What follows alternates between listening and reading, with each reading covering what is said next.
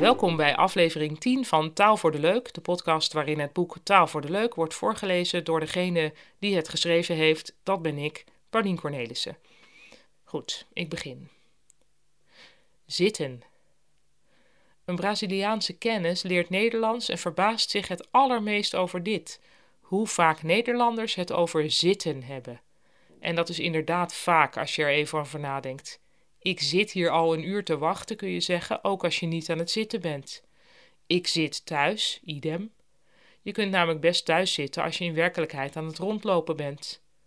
De oorspronkelijke betekenis van zitten heeft iets te maken met het plaatsen van het achterste op een horizontaal vlak. Maar er zijn veel gebruiken die daar niets mee te maken hebben. Wat te denken van deze? Hé, hey, hey, jonge dame, niet aan de knopjes van het fornuis zitten. Aanzitten wordt bijna altijd gebruikt in de kinderlijke sfeer. Het was een heel leuk museum, want we mochten overal aanzitten. Stel dat je als Braziliaan deze kinderlijke betekenis van aanzitten hebt geleerd, dan moet het heel verwarrend zijn dat er soms bij een diner ook aangezeten wordt. Maar dan gaat het juist weer om iets chics waar geen kinderen aan te pas komen. Om nog maar te zwijgen over deze zin: er zit kauwgom aan mijn broek. Zeer vreemd. Maar dat is nog niet alles, want we gebruiken zitten ook voor kleding. Deze trui zit het lekkerst. Dat geen Nederlander hierbij denkt aan een trui die op een stoeltje zit, is voor een buitenstaander moeilijk te begrijpen. En omdat zitten hiermee blijkbaar nog niet genoeg gebruikt wordt, zeggen we ook nog die zit, als iemand een rake opmerking heeft geplaatst of anderszins gescoord heeft. De vraag is: waarom gebruiken wij zitten zo vaak? Of anders gezegd, wat zien wij zitten in zitten? Zegt het iets over ons zittende bestaan? Zitten wij vast aan onze bankstellen en bureaustoelen en heeft het woord zitten van hieruit onze taal veroverd? Zouden Brazilianen het leven vooral dansend bekijken? Het klinkt als een cliché, maar het lijkt me geen toeval dat juist een Braziliaan struikelt over ons zitten. Of loop ik het allemaal weer te cultureel te duiden?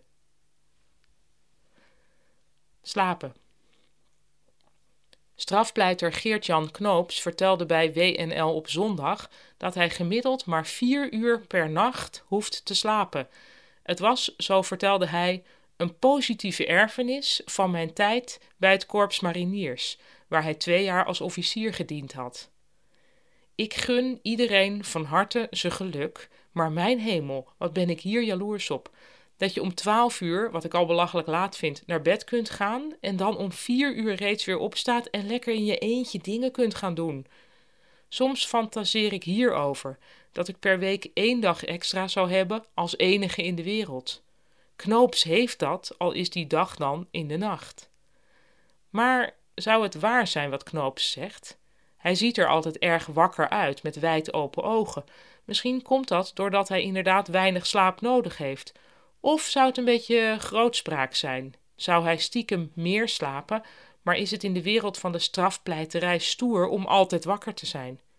Misschien is het zelfs strategische grootspraak. Er kijken vast officieren van justitie naar WNL die nu denken: oh jee, hij is me nu al een stap voor. Al die tijd dat Knoops aan het werk was, hebben wij liggen wegmeuren in bed. Stel dat hij inderdaad maar vier uur per nacht slaapt, hoe zit het dan met de bewering dat hij dat weinig geslapen geleerd zou hebben bij het korps mariniers? Daar geloof ik dus helemaal niks van. Er zijn vast gezegende mensen die nu eenmaal minder slaap nodig hebben. En die komen daar misschien pas achter bij de mariniers. Maar ik weet wel wat er zou gebeuren als ik door een vredespeling van het lot bij de mariniers terecht zou komen. Een huilend wrak zou ik zijn, dat per ongeluk op de verkeerde mensen zou lopen schieten. Dat zou dan een heel negatieve erfenis zijn van mijn tijd bij het Korps Mariniers. Ahoy! Vroeger woonde in onze straat een jongetje dat nog niet zo lang Nederlands sprak. Op een dag belde hij aan, mijn moeder deed de deur open en hij zei: Met Eli, is Paulien thuis? Hij had begrepen dat je met moest zeggen als je belde, maar het verschil tussen aanbellen en opbellen was hem daarbij ontgaan. En laten we wel wezen, dat hele met is ook raar bij het opbellen. Het is een verkorting van u bent door een dame in een hokje met snoeren verbonden met mij. Dat hokje en die dame bestaan niet meer. Of is het gewoon een verkorte versie van u spreekt met? Hoe dan ook, met klinkt een beetje gek. Sinds we bijna altijd op ons schermpje kunnen zien wie er belt, kunnen we meteen beginnen met het gesprek. Hey, ik wilde jou ook al bellen, waar ben je nou? Is het nummer onbekend, dan beginnen we steeds vaker met een Amerikaans aandoend hallo. Over het woord hello, in het Engels dus, las ik onlangs iets leuks. Ten eerste, het bestaat pas sinds 1827. Ten tweede, aanvankelijk werd het niet gebruikt om te groeten, maar als een terechtwijzing. Hello, wat denken we dat we aan het doen zijn? Of om verbazing uit te drukken. Hello, wat veel watergruwel heb je gemaakt, Martha. Zo gebruiken wij hallo ook, maar dit type hallo voelde altijd als afgeleide van het groetende hallo. Nu weten we, juist die rare hallo's zijn de oerhallo's. Hello en dus ook hallo als begroeting hebben we te danken aan Thomas Edison. Bij de invoering van de telefoon heeft hij verordoneerd dat je moest opnemen met hello. Zijn concurrent Alexander Graham Bell vond dat de telefoon opgenomen moest worden met ahoy. Dat woord bestond al minstens 100 jaar langer en was afgeleid van het Nederlandse hoi. Maar Edison won omdat hij, wetenschappelijk geformuleerd, een streberige machtswellusteling was met meer invloed. Dus stond hello in het eerste telefoonboek bij de officiële instructies rond het telefoneren. Detail: je moest dat hello volgens de aanwijzingen hard en vrolijk uitspreken, anders dan het vage wantrouwende hallo van nu dus. Je kunt zo'n telefoongewoonte niet terugdraaien, maar ik denk dat we het erover eens kunnen zijn dat het beter was geweest als Bel had gewonnen. Wat zou er leuker zijn dan elkaar aan de telefoon lekker nautisch te begroeten met een ferm ahoy, als een soort vrolijke ontkenning van het feit dat je op zee nooit bereik hebt. De downhill ski. Het moeilijke van skiën is dat je naar het dal toe moet leunen. Mensen die al hun hele leven skiën, realiseren zich niet eens dat ze dat doen. Ik was 25 toen ik voor het eerst skiede. Dat is oud genoeg om te beseffen dat je tegen je eigen natuur ingaat. Je ziet een afgrond en daar moet je je gewicht heen verplaatsen, terwijl alles in je schreeuwt: leun naar achteren, naar de helling waar je houvast hebt. Maar als je op je hakken leunt, ga je juist heel snel vooruit. Skiën is eng en raar, maar heel leuk als het lukt. Mijn eerste skileraar was het type zomerscheitenhoeder, zwinters sekssymbool. Het was in de Franse Alpen. Zijn les bestond uit twee uur per dag tegen het klasje en mij in het bijzonder te roepen: Lino, the downhill ski! The downhill ski! No, the downhill ski! De downhill ski is de ski die je, als je haaks op de berg staat, het dichtst bij dat vermalendijde dal is. Als je op je hoogste ski leunt, wat je instinct je vertelt, dan maak je een bocht en ga je met een rotvaart de berg af, terwijl je misschien nog niet echt goed kunt remmen. I said, the downhill ski. You did not lean on the downhill ski. De skileraar had zich duidelijk iets opwindenders voorgesteld bij het klasje kneuzen dat hij onder zich had. Goede voornemens.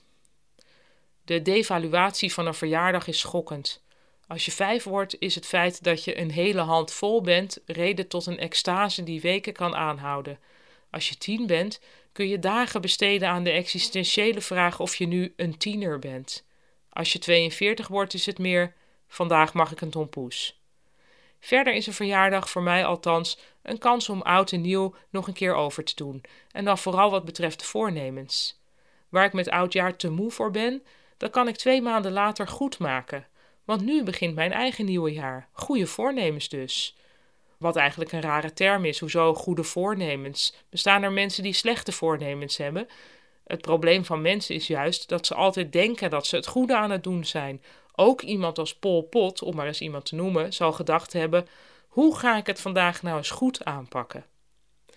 In sommige films, vaak kinderfilms, komen klassieke slechterikken voor. Een enge man met te zware wenkbrauwen die leeft om kwaad te doen. Hij roept dingen als: Ik wil dat niemand meer lacht en dat de zon nooit meer schijnt. Zo'n man is bedoeld als eng figuur, maar in feite is het een troostrijk karakter.